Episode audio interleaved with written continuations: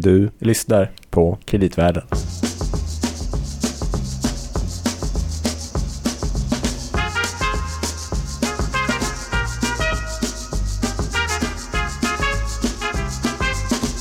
Varmt välkommen alltså till ett nytt avsnitt av Kreditvärlden med, jag heter Gabriel. Och jag heter Louie. Ja, nu vände jag på det Louis. Ja, det här blir jättekonstigt. Vi jobbar båda på Danske Bank Markets i eh, Sverige. I Sverige. Mm, I Sverige. Mm. Stockholm sitter vi. I, med kreditmarknaden. Det är Speciellt. vår specialitet. Mm. Sen Och- brukar vi prata mycket om finansiella kriser också. Ja, det har vi gjort. Mm. Det jag tror att vårt mest lyssnade avsnitt kan vi avslöja för alla lyssnare är det om finanskrisen, alltså den senaste. Mm. Eller ja, den, ja, den 2008-2009. Just det. Eh, så det kan man lyssna på om man inte har gjort det. Det verkar vara Mm. många som tycker att det är bra. Mm. Eh, vi pratar också kanske om lite andra ämnen som relaterar till det som händer på finansiella marknader. Precis, och i förra avsnittet pratade vi lite grann om institutioners betydelse Mm. och går de att förändra Mm. med Li Bendik Björkman från Mm. Uppsala universitet. Och vi var inne lite grann på där vad det politiska ledarskapet kan betyda i sådana fall. Mm. Nu ska vi prata lite grann om ett annan typ av ledarskap kanske. Just det. Mm. Och även delvis kanske, vi pratade om det här med företagskultur skulle vi prata lite grann om också. Ja, du menar vi har redan sagt vad vi ska prata om så vi behöver inte linda in det så mycket. vi ska också säga innan vi sätter igång att vi kommer faktiskt ha en tävling det här avsnittet. Eh, Men vi säger inget mer om den nu utan man måste lyssna klart på hela avsnittet och så berättar vi i slutet eh, vad man kan vinna, eh, mycket bra priser och hur man gör det. Men då kör vi igång och det är faktiskt så här att vi har faktiskt en gäst med oss. Yes. Mm, välkommen! Tack så hemskt mycket. Katarina Gospic. Ja. Du är eh, doktor Mm. i eh, klinisk neurovetenskap, psykologi. Ja, men precis. Jag är faktiskt eh, dubbeldoktor som det Mm, heter. Ja, wow. lite fint. Eh, så att, eh, jag har en läkarexamen och sen har jag det som kallas för en PhD eller filosofidoktorsexamen i medicin om man ska Mm. vara helt korrekt. Just det, okej. Eh, men eh, det var inom ämnet neuroekonomi och klinisk neurovetenskap. Just det. Neuroekonomi, det där Ja. låter ju direkt superintressant. Ja. Tycker vi. Ja, eh, det tycker jag också. det är bland det bästa jag vet. Ja, men Det faktiskt. första blir då, vad, vad är det? Eh, jo, men man kan säga att eh, det handlar om att förstå de biologiska mekanismerna bakom beslutsfattande och kanske framförallt ekonomiskt beslutsfattande. Mm. Och, det, och då kan man säga att det här skiljer sig, och det sättet som du och dina kollegor Mm. arbetar på skiljer sig från psykologer för att man jobbar mer med så att säga biologin bakom hur kroppen fungerar, eller? Ja men precis, att man verkligen försöker gå till huvudkontoret Mm. och se vad är det som händer. Mm. Om man pratar psykologi eh, så handlar det många gånger om beteende Mm. och det är så det har varit traditionellt eh, sett. Men sen har man också ekonomerna som Mm. har hållit på med vad heter det, beteende just kring ekonomiskt Så beslutsfattande. behavioral economics och sånt. Ja. Ja. precis. Men då har man ju inte kollat in vad som händer i hjärnan. Så man kan säga att neuroekonomi, det är ett sätt att försöka sammanföra Mm. neurovetenskapen, det vill säga vad är det som händer i hjärnan Mm. eh, i olika typer av situationer. Så har man försökt sammanföra det med psykologin där man har eh, studerat beslutsfattande och sen med ekonomin där man har kollat kanske framförallt på ekonomiskt beslutsfattande. Den här uh, rationella människan som man brukar prata om, Ja. så här traditionell ekonomi. Ja, Finns den? nej. Svaret är nej. Det var ett tydligt eh, besked. Ja, Ja, men då vet vi det. jag är inte så bra på att linda in saker. Nej. Nej. Okej. Hur, uh, hur menar du eller ni att uh, vi fattar våra beslut så att säga? Nej men vi är extremt eh, känslodrivna Mm. i vårt beslutsfattande. Och Mm. sen så kan man ju diskutera vad rationalitet är. För att Mm. vi har ju uppenbarligen tagit, tagit oss hit där vi är idag Mm. eh, med hjälp av den här typen av beslutsfattande. Eh, så att på så sätt kan man ju tycka att den är rationell. Men klassiskt sett så brukar man definiera rationellt beslutsfattande som att man alltid vill maximera vinsten. Mm. Så att om man då pratar om ekonomiska beslut så ska man alltid vilja ha så mycket pengar som möjligt. Men när man gör studier på människor och eh, sådana studier som jag har gjort, när man utsätter folk för orättvisa till exempel, Mm. eh, då är folk beredda att avstå den här summa pengar som vi erbjuder för att implementera rättvisa istället. Mm. Och då enligt definitionen att man alltid ska maximera sin ekonomiska vinst, den faller med det. Just det, men samtidigt så kan jag tänka mig att skulle man fråga de flesta människor skulle man säga är du rationell så skulle man säga ja det är jag. Ja men precis, och det är faktiskt så jag brukar starta alla mina föreläsningar. Eh, Mm, okej. Och eh, då är det precis så att de flesta räcker upp handen och Bra, tycker Louis. att de är superrationella. Ja, Men, för man kan ju också, man kan ju lägga in andra värden så att säga om man ändrar på begreppet vinst till Ja. att bara vara att är ekonomisk vinning till annat som man värdesätter till exempel i livet. Är vi då rationella till exempel eller gör vi även sak, ändå saker som inte ger oss maximal lycka till exempel eller sådär? Ja men precis och eh, det är det jag menar med att man kan ifrågasätta vad är rationalitet Mm. och att det kanske finns en hur ska jag säga, biologisk rationalitet. Mm. Eh, om jag tar de experimenten som jag har hållit på med som handlar om rättvisa och orättvisa eh, så finns det ju en idé med att implementera rättvisa när man blir orättvist behandlad för att det finns en långsiktighet i det. Det. Eh, att om jag tolererar att du får en större köttbit än vad jag får Mm.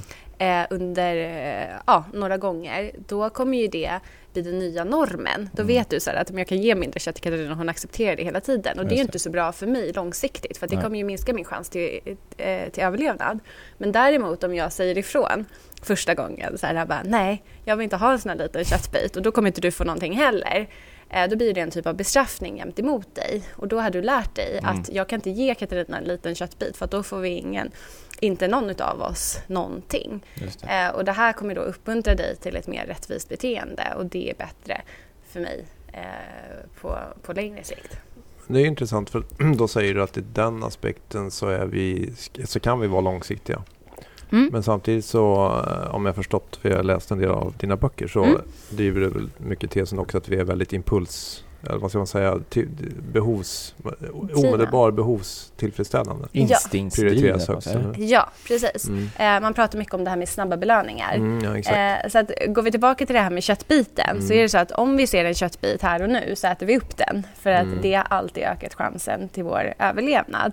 Men sen så är det ju också så här eh, som gäller generellt i livet att det är sällan något det är kanske helt svart Mm. eh, eller vitt. Så det finns ju såklart aspekten att om man tänker sig att ja, jag ska överleva lite längre tid än bara idag så är det ju bra att ta in det här eh, att ja, jag kanske säger nej till mat en gång för att sen få mer mat långsiktigt. Mm. Eh, Så att den balansen finns där också, även om man, eh, hur ska jag säga, om man ändå skulle säga vad som är viktigast och vad som kanske är starkast så Mm. är det absolut den här eh, omedelbara belöningen som driver oss otroligt mycket. Men att vi kan kanske lära oss att kontrollera den impulsen om vi, om vi tänker efter så att säga. Precis, Om och vi det tror det, att det är bra för oss. Precis, och det är det som är det mänskliga om man Mm. pratar om beslutsfattande och hur våra system fungerar. Att de här impulsdrivna systemen, de är ju väldigt gamla evolutionärt sett. Mm. Eh, och det är liksom funktioner som vi delar med råttor, ormar Mm. och ödlor och så. Men sen så har vi människor frontalloben som är hjärnans smartaste del och det är den som är unik för oss människor. Och det är här alla våra smarta funktioner sitter. Som att, Förnuftet, kan man säga så? ja men eh, absolut, så att det är här funktionerna för impulsstyrning sitter, när vi ska vara rationella, när vi ska tänka strategiskt, när vi ska tänka på framtiden, vara långsiktiga och så vidare. De funktionerna sitter där. Eh, Och som sagt, det är unikt för oss människor och Mm. sen så är ju faktiskt den delen av hjärnan inte färdigutvecklad förrän vi är 25. Mm. Så dels har vi frontalloben men sen kan vi Ja. också kan, i- använda den för att utforma till exempel system och institutioner som gör att vi beter oss på förutsägbara sätt kanske.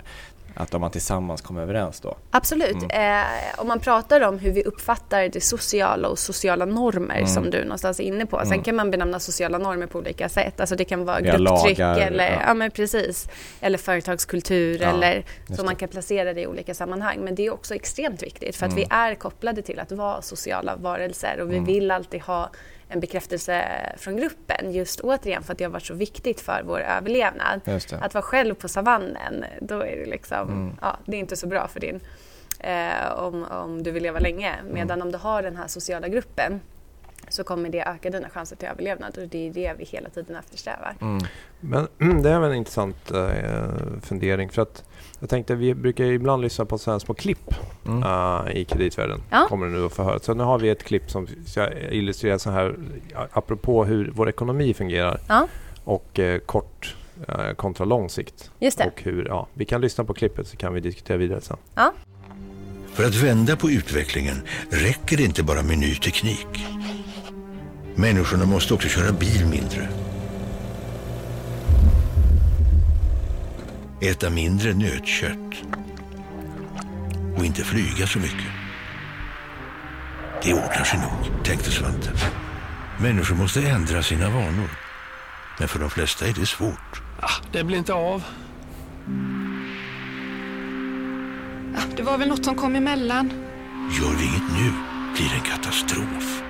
Jo, eh, apropå här då, eh, om vi då har den här ekonomin som inte reglerar saker som kanske är skadliga Mm. eh, utan snarare uppmuntrar för mycket av marknadsföring och så går ju ut på den här eh, tillfredsställa de här korta behoven. Mm. Eh, men så har vi saker då som på lång sikt är eh, katastrofala. Mm. Hur, eh, hur ska man göra här? Eh, på något sätt så handlar ju allt om allt som vi vill göra i livet oavsett om det är privat eller på samhällsnivå eller inom våra företag så eh, pratar man hela tiden om beteendeförändringar. Mm. Det är det det handlar om. Eh, och om man kopplar det här till hjärnan så brukar jag säga att om man förstår hur man fungerar så börjar man ju förstå sina begränsningar och hur vi är kopplade och vad vi har för grundläggande liksom, drifter och behov. Och när man har förstått det här, det är ju först då man kan börja reglera sig och styra sig själv mot det håll man faktiskt vill. Eh, och förstå att om man äter liksom tio chokladkakor till middag så kommer inte det vara bra långsiktigt för hälsan. Eller om alla människor åker bil till jobbet varje dag med den befintliga tekniken som finns eh, så är inte det heller bra. Eh, eller vad det nu handlar om. Men sen så är det mycket att eh, vi har den här grundbenägenheten att tänka så här, men det händer inte mig och jag blir inte drabbad nu. Liksom. Nej, det var det jag tänkte säga. Ja. För I det här fallet så handlar kan det ju handla om en sak som inte drabbar mig utan till exempel nästa generation eller det, någon i, i Afrika eller så vidare. Precis. Så då, då kan jag ju liksom skjuta bort det. Ja, och det är någonting som vi människor har en grundbenägenhet till att göra. Att vi tänker väldigt mycket eh, här och nu, vi tänker på oss själva, vi tänker på eh, våra närmaste. Och ju längre bort man flyttar en konsekvens, både i tid och i geografiskt avstånd, desto mindre bryr vi oss. Eh, och det är här man måste koppla på frontalloben. Eh, om vi ändå vill styra oss mot någonting som är långsiktigt och tänka på andra människor eh, så kan vi ju göra det, men det kräver mycket mer hjärnkraft. Ett väldigt enkelt exempel är ju om man har värsta bullen som ligger framför en. Eh, då ökar man ju benägenheten att äta den här bullen just för att den ligger precis framför näsan på en. Medan om man lägger den högst uppe på Mount Everest så minskar man ju sannolikheten att man kommer äta den här. Eh, och om man har någonting framför en som frestar hela tiden då krävs det ju mycket mer hjärnkraft att hålla sig borta från det än att bara utföra beteendet, det vill säga äta upp bullen. Och har man mycket, mycket annat för sig eller i huvudet så blir det mycket jobbigare att, att säga, ägna sig åt att avhålla sig. Precis så. Alltså jag brukar likna det lite vid en boxningsmatch. Att om man har de här primitiva systemen som hela tiden säger så att man ska gå för det eh, som är säkert och det som är kortsiktigt och det som är liksom belönande precis här och nu. Eh, så är det i de i ena hörnet medan frontalloben då är, är i andra hörnet. Eh, och så ska de boxas. Och om man då till exempel inte har ätit och inte tränat och inte sovit och liksom är sliten med annat. Eh, då ökar sannolikheten för att frontalloben kommer förlora den här matchen. Och så faller man för måste fatta tio beslut på tio minuter till exempel. Att, Ja men precis. Eh, och det ser man också att människor som till exempel är fattiga eller har mycket smärta, de är faktiskt sämre på att reglera sig i andra situationer just för att man säger att de ägnar så mycket hjärnkraft åt sitt primära problem, det som är väldigt akut eh, här och nu. Och då har man inte så mycket hjärnkraft kvar sen när man ska reglera sig i andra sammanhang. Mm, men om det, apropå det där med flygningen och så vidare här då, så att sätt att lösa det enligt din sätt att se det är antingen att förändra sociala normer Mm. så att eh, det är totalt eh, otrendigt att göra weekendresor till exempel. Ja, En annat sätt skulle vara att ha extremt höga skatter eller också kvotera resandet. ja men om, det, precis. om de måste kontrollera det på något vis. eller att man lägger mycket ansvar på individen eftersom man måste ägna så mycket kraft åt det så att säga. Ja, men precis. Alltså, principen för beteende det är att vi vill alltid välja det alternativ som är associerat med mest belöning och Mm. minst bestraffning eller Mm. obehag. Eh, så att om man vill minska ett beteende, låt oss säga att man vill att folk ska flyga mindre, eh, då kanske man får värsta bonusen om man åker tåg. Liksom. Och så Mm. får man rabatt i ma- matbutiken och ja, massa bra Mm. erbjudanden. Eh, då kanske man lockas av ett sådant alternativ istället, så här, men jag tar tåget Mm. för att det kommer massa bonusar, det vill säga massa belöningar till det. Eller så ökar man på bestraffningen, det vill säga eh, om du flyger så kommer det kosta 10 000 att åka till Göteborg. Då kommer ju folk att säga okej, nej, men det är inte riktigt eh, värt Mm, det. Eh, eller låt oss säga att eh, varje gång du flög så dumpade någon mördarsniglar i din trädgård. Mm. Det Eh, tycker jag låter som en bra grej. Ja, precis. Då skulle det också vara så här, nej men jag kanske ska avstå den här flygresan för att jag vill inte ha den här typen av bestraffning eller den här typen av Mm. eh, obehag. Så att det är hela tiden de principerna Mm. man kan leka med för att styra sitt eget eller andra människors beteende. Det blir ju helt enkelt någon typ av cost-benefit-analys för att använda Precis så. ekonomspråk. Så Yes. att vi som är sådana förstår liksom att man, och, och då kan man tippa den i olika favörer. Ja, Mm. precis. Och det är antingen med hjälp av så att säga sociala normer Ja. eh, och, eller sin egen frontallob Ja. eller regleringar. Ja. Typ så. Ja. Mm. Det låter vettigt. Mm. Om, vi, om vi tar ett lite mer mikroperspektiv Mm. Eh, eller ja, hjärnan är väl liksom, hjärnans beståndsdelar är väl så mikro man kan komma. Men om vi hittar någonstans emellan och tittar på företagen. Eh, Finns, vet, finns det något sätt som, om man är en företagsledare, Mm. att man kan skapa en kultur för gott beslutsfattande liksom, som utifrån de värderingar som åtminstone säger att man vill Mm. hålla sig till? Ja, men precis. Alltså, om man ser till grunden i att vara på topp så Mm. handlar det om de här jätteosexiga råden Mm. som är eh, äta, träna, sova. Mm. Bra. Eh, Gör, gör det det Gabriel? Eh, Jag är ju småbarnsförälder så att vi, vi låter lämna det där.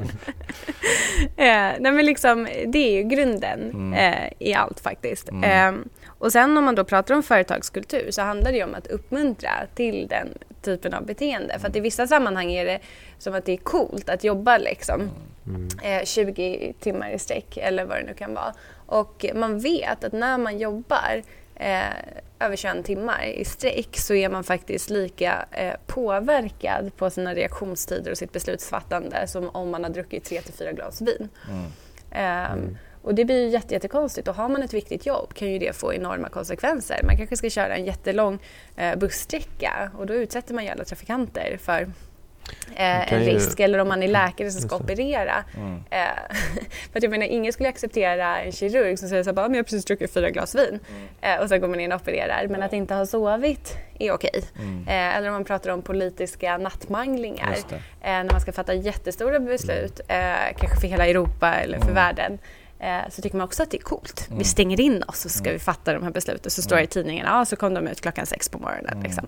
Det är det sämsta Mm. man Ja. kan göra på Om alla man sätt. flika in det apropå Lehman så tror jag jag läste att de här förhandlingarna precis innan Lehman gick omkull så var det ju så att de i administrationen i USA hade ju jobbat månader nonstop Mm. och var helt nästan på gränsen till kollaps. Just det. Mm. Och att det kan ha varit en sån delorsak till att det blev Mm. som det blev så att säga. Mm. Till slut så visste man inte nästan vad man gjorde för man var så trött. Nej men precis, och så är det ju. Och om vi går tillbaka till de här systemen, våra primitiva system kontra frontalloben, eh, så är det ju återigen så att frontalloben minskar ju sin styrka när Mm. vi just inte har ätit, tränat och sovit bra. Mm.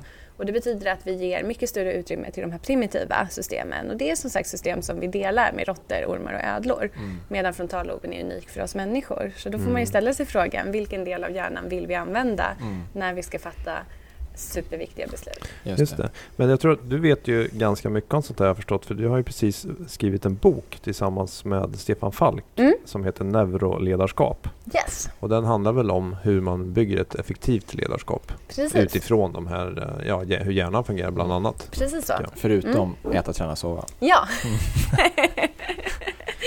Precis. Men jag har ett, ett citat från den boken som jag tänkte testa lite. Mm. Oj. Ska jag testa det på Gabriel också se vad han Ja. säger. Eh, hur man ska leda med auktoritet. Mm. Då står det så här att en bra mental bild för ledare är att tänka sig att man faktiskt leder äldre barn men med skillnaden att de inte är lika charmiga, har mindre goda intentioner, är mindre kreativa och nyfikna och att de är latare än riktiga barn. I övrigt är skillnaderna inte så stora. Right. Vad säger du om det som småbarnsförälder Gabriel? Jag tycker att det verkar som en utmaning, säga. ja. Att vara förälder eller att leda? Att leda. Ja. Mm. Att, förä- att förälder är en utmaning, men om man dessutom inte får en kram då och då så tycker jag att det skulle vara ganska jobbigt. Men vad du menar med den, där, eller ni, med det där citatet är eh, att man ska vara tydlig och att man ska... Mm. Ja, Eller men? Mm. precis. Att man eh, verkligen ska visa vart det är man vill gå och också vara stringent Mm, mm, i mm. det. Alltså på samma sätt som i barn. Man kan Mm. inte ge dem godis en dag och sen säga Nej, nej, nu får du inget, go- Nej. inget godis. Liksom. Och Utan att man ska har- leva som man lär också kanske. Ja, Mm. precis. Alltså, återigen, eh, vi gör ju inte som folk eh, säger att vi ska göra utan Nej. vi gör ju som andra människor gör. Mm. Och det är väl ganska rimligt. Absolut, jo men Mm. så är det. Mm. Mm. Sen har jag ett annat roligt citat också. Ja, Det var mycket sådana i den här ja vad boken. kul. Och det här är också till dig Gabriel. Ja, I min egenskap att jag är Gabriels chef. Då. Jo. Det är därför jag tycker hela det här är lite obekvämt. Eh, Du är en jättebra chef, Robert. Ja, vi får se. Ja. Ja, nej, men hur, när man utvärderar eh, ledare så konstaterar man att det, det finns två saker som man normalt uppskattar. Det ena är tydlighet och det andra är uppsåt. Då. Mm. Och uppsåt då menar man vad ligger bak, vad är de egentliga motiven? Alltså varför man, man vill gärna att det finns ett bra motiv, helst Mm. om det går så. Men så står det så att, så att helst vill man ha en ledare som är både tydlig och har go- gott uppsåt. Men erfarenheten säger oss att tydligheten är mycket viktigare än uppsåtet. Det är nämligen så att medarbetare hellre har en tydlig skitstövel som ledare än en otydlig ledare med de bästa intentioner. Ja. Så jag vill bara att du tänker på det. Ja. I förhållande, i, I förhållande till min dotter eller i förhållande till vår relation? Båda och kanske. själv, ja. Nej men så... Jag tycker att det faktiskt ligger rätt mycket i det. Ja. Alltså bortsett från att det var roligt men Mm. Att det faktiskt, alltså personlig erfarenhet säger mig att det nog stämmer faktiskt. Mm. Och vilket väl kan förklara en del, till viss del i alla fall, en del skandaler och inte minst de som vi har haft i närtid. Mm. Just att eh, ja, man får ett, eh, man, man vill veta vad man ska göra på dagen och eh, kanske inte varför är inte alltid det viktigaste. Mm. Mm. Men precis, och återigen så kan man ju koppla det här till hur vi fungerar. Mm. För att vi har amygdala, hjärnans primitiva tjänstestruktur. Eh, och den ogillar allt som är liksom eh, obehagligt eller något som är nytt eller Mm. obekant och när det finns eh, en osäkerhet. Jag brukar säga Mm. att man kan sätta ett O framför. Eh, för när den här går igång så vill vi antingen fly eller fäkta. Mm. Och om man då är en otydlig ledare så kommer Mm. man ju trigga folks fly eller fäkta beteende hela tiden. De vill Mm. ju inte vara i närheten av en eller Just göra det. det. jobbet man ska. Mm. Medan om man i alla fall är väldigt, väldigt tydlig och man säger så här, det är det här vi ska göra. Eh, då kommer man ju ta bort den här osäkerheten. Då kommer folk faktiskt bli lugnare även om man sen Mm, kanske inte är mm. jordens snällaste person. Men det ni menar är väl också, om jag förstår det rätt i boken, att man ska liksom utmana sig själv lite grann och bekämpa det här med att man inte vill ta en konflikt till exempel. Precis. Och att man, att ofta därför man rekryterar till exempel personer som är lika som en själv för att man tycker om att, Precis. ja, att man bli vill bekräftad undvika hela konflikter tiden. då. Ja. Man ska försöka egentligen tänka tvärtom att lite det kan, kan vara värt att ta en konflikt ibland. Ja men behövs, precis och det är Mm. också just när vi känner friktion som vi utvecklas som mest. Det är ju då Mm. vi måste utmana oss själva, vi måste ändra vårt eget beteende, Ja. vi måste tänka till. Och Man måste allt, välja. Ja men precis. Och allt sånt här är ju obehagligt för Mm. att det är en ny situation. Eh, Mm. så att det är ju så här, eh, det här citatet, your life begins where your comfort zone ends. Eh, Mm. att, ja, det är där utveckling sker. Mm. Eh, Men som sagt, det är ju jättebekvämt att pilla sig i naveln, luta sig tillbaka och äta en bulle Mm. kontra att Medan hela andra tiden... får ta diskussionen. Ja men precis, genom att hela tiden bara okej det här funkar inte, då måste vi ta Mm. tag i det här och liksom ha de här samtalen. Och det är det vi märker också många gånger när vi pratar med ledare. Att en av de sakerna som man vill utveckla mest hos, hos sig själv, men som man tycker är så otroligt obehagligt, det är just den här kommunikationen Mm. eh, med sina medarbetare. Och många gånger är det så att man kanske har, av tio personer så kanske man har tre eh, som är liksom nära och som funkar Mm. jättebra, man pratar hela tiden med dem. Eh, och sen så kanske man har tre som är liksom okej. Mm. Och sen så har man resten som man verkligen inte Mm. eh, connectar med. Och så undviker man dem väldigt mycket och sen så är det väldigt lätt att projicera massa saker, att de presterar inte och de är inte så duktiga och så vidare. Fast det egentligen handlar om att man inte kan kommunicera och man kan inte säga så här att. Gabriel, jag tycker inte att du har presterat nu eller jag tycker att vi ska göra si eller så för att man är så rädd för din respons. Mm. Eh, Och tvärtom kanske att medarbetarna, eller de som, de som man leder, inte heller har respekt för, för den som ska leda dem. Nej, Och att man kanske absolut. inte vet, vet då, eh, eller man blir avogt inställd. Ja men precis, och att man inte vet hur man ska kommunicera. Mm. Och det är också en av de viktigaste sakerna vi säger i boken om man pratar om att bygga in strukturer för att Mm. överkomma de här typer av eh, impulser eh, så är det ju att ha kontinuerliga medarbetarsamtal. Att man pratar Mm. varannan vecka med de som arbetar under en. För att då kommer man ju bli jättebra på samtal, man kommer lära känna varandra, man kommer lära känna sin verksamhet. Mm. Man kommer också kunna förutse saker som kanske är på väg att hända. Ehm, och mycket av det vi ser, det är att, eh, för att många ledare säger nej men jag har inte tid och gud vad jobbigt det skulle bli och så vidare. Mm. Men det många ledare lägger sin tid på det är ju faktiskt att reparera katastrofer Mm. eh, istället för att vända på steken och ha de här samtalen, få in all den här informationen och sen kunna förhindra att saker händer eller att vara väldigt proaktiv i sitt arbete. Att det kanske är det man ska lägga tiden på istället. Och, och kanske även som jag tror ni skrev, och det gäller inte bara ledare, men att man kan lägga tio gånger mer tid på att gå att, liksom bakom ryggen och prata om att man har problem Precis. med någon istället för att ta den tiden och Mm. konfrontera problemet. Absolut. Det är väldigt, väldigt Mm. vanligt. Så att, eh, ja, det, är, det är intressant att de största problemen många gånger inom företag det är ju just det mänskliga. Mm. Och det är också därför det är en av mina käpphästar att vi just ska lära oss hur människor fungerar. För att om man anställer en ek- ekonomidirektör till ett företag så förutsätter man ju att den har sin ekonomiutbildning och att den Mm. kan sina siffror och den vet hur man gör. Men många gånger när det kommer till ledarskap så ser man inte det som en profession utan det är så här, bara, ah, men jag har en talang för det här och jag Ja. går på magkänsla och så vidare. Men eh, som sagt, vi skulle ju aldrig anställa någon i företag som inte har ekonomiska kunskaper om det är det vi söker. Vi skulle inte åka taxi med en taxichaufför som inte har körkort eller vilja Mm. opereras av en kirurg som går på magkänsla.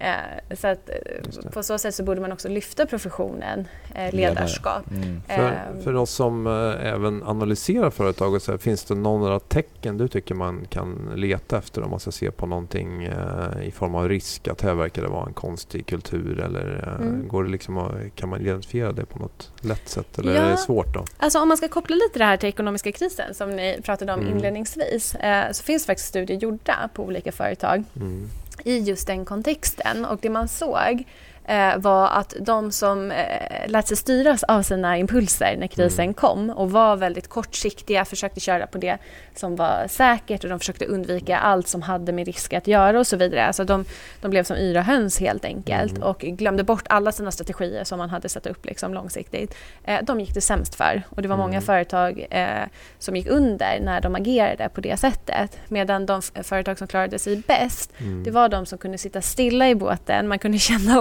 obehaget. Så här, Gud, det här är jättestressande, man känner hela amygdala fyrar och man vill bara eh, fly eller fäkta. Mm. Men att i en sån situation kunna reglera sig och säga så här, okej, det här är jätte, jätte obehagligt, men nu sitter vi stilla. Mm. Vi kommer ihåg våra långsiktiga strategier som vi har byggt Mm. upp innan.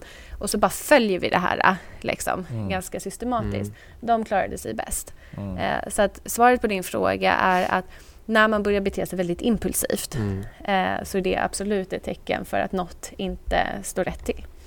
Just det. Okej. Det är ett ganska bra tips. Mm. Mm. måste vi börja fundera på vad vi kan eh, hitta för sådana här tecken. Gå igenom Ja, bolagslistan. nu får börja gå igenom här. Mm. Ja, ja Mm. precis. Jag tänkte på, apropå det, så tänkte jag lite grann på de här isländska bankerna på den tiden som hade så här stora tradingvinster som ingen någonsin förstod riktigt var de kom ifrån. Mm. Det är sådana bra tecken kan jag tänka mig. Mm. Mm. Så att här är någonting som Någonting, förlåt, någonting under ytan som känns inte rätt men vi kan inte riktigt sätta fingret på vad det är Mm. för någonting. Men Ja, stora intäkter Mm. eller förluster som inte går att härröra till strategin. Ja exakt. ska man kolla Precis. extra på. Ja. Mm. Ja, men precis.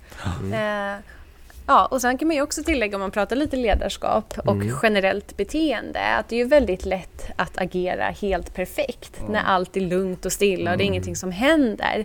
Men sätter man någon i kris, alltså oavsett om det Mm. handlar om en ekonomisk kris eller kanske en personlig kris, Mm. det är ju då också människor visar sina rätta färger. Det. vad man kan hantera. Och det är också någonting att tänka på när det gäller ledarskap eh, och vid rekrytering. Man kanske tar in någon som alltid har haft det väldigt, väldigt stabilt omkring Mm. sig och det är klart att då har man ju de bästa förutsättningarna för att kunna prestera. Mm. Men sen är frågan, vad händer med en sån här person när man börjar rucka lite och det börjar blåsa man upp måste till storm? fatta kanske obehagliga beslut och Ja, svåra beslut. då. Precis, någonstans är det ju faktiskt Mm. det som jag personligen tycker är det mest intressanta Mm. med människor. Hur agerar vi under stress och press och när Mm. förutsättningarna är som sämst? För det visar ju verkligen den här mentala styrkan om vi pratar frontallob och Mm. motivation och eh, hur mycket självmedvetenhet man har och så vidare. Ehm, och om man kan vara stabil i en krissituation då har man ju fantastiska förutsättningar också för att prestera när, när allt är lugnt. Du, Mm, och där fick vi den perfekta förklaringen till varför vi pratar så mycket om finansiella kriser i den här Mhm. podden. Dagen. Mm. Vi måste veta vad vi ska se upp för. Ja. Och man måste öva helt enkelt. Absolut. Mm. Jag, jag ska, den här, det- eftersom du pratar om bullen kan jag berätta Ja. att det ligger ju en bulle här liksom framför Ja. oss. Rådet till mig nu är att öva på att inte äta den. För att då Mm, övar jag upp lägga min upp den på en, motståndskraft. vi skulle lägga upp den på en hylla var det ju. Ja, det. precis. Ja, då underlättar man. jag, jag lägger den på en mental hylla. Ja. Eh, jag tror att det börjar bli dags att lägga hela den här diskussionen på vår mentala hylla. Eh, Ja. men, men innan dess, Just det. Mm. Idag ska vi ha ett litet lotteri. Woo! Mm, en tävling i kreditvärlden. Tombola, Ja, digital det tombola. är väldigt fina priser. Det är Ja. det. Mm. Ska du berätta vad det är för priser? Det är ju några av dina böcker Ja, som vi tänkte låta ut här Mm. till eh, de som är aktiva på sociala medier har vi sagt. Ja men exakt, för vi har eh, fem exemplar av den allra senaste boken ja. som vi har Mm. fått lite citat från också. Mm. Mm. Eh, och så har vi några fler av dina två tidigare böcker. ja Välj, precis. välj rätt och den sociala hjärnan. Precis. Mm. Och eh, jag eh, ska definitivt göra det som jag nu ska be alla lyssnare om, för jag vill väldigt gärna få ett, ett exemplar av de här böckerna. Och det är att man får helt enkelt dela eller skriva någonting om det här avsnittet på sociala medier. Det är inte svårare än så. På Facebook eller Twitter eh, Mm. och se till att tagga kreditvärden eller kreditvärden beroende på vad ni gör det bara. Så, Då har ni chansen att vinna. Exakt, så i nästa avsnitt så, så berättar vi eh, Mm. hur det gick. Mm. Mm. Så gör det. Eh, och jag tror att vi måste tacka Katarina så otroligt mycket för att du kom hit. ja, men tack Mm. själva. Det Det, här var varit mycket lärorikt och spännande. Ja, vad kul. Eh, och så hörs vi igen om ett par veckor. Det gör vi. Spännande. Sen kommer det ett nytt spännande tema. Mm. Bra, Får ni fundera på det, vad det kan vara. vi hörs. Det gör vi. Hej då! Hej!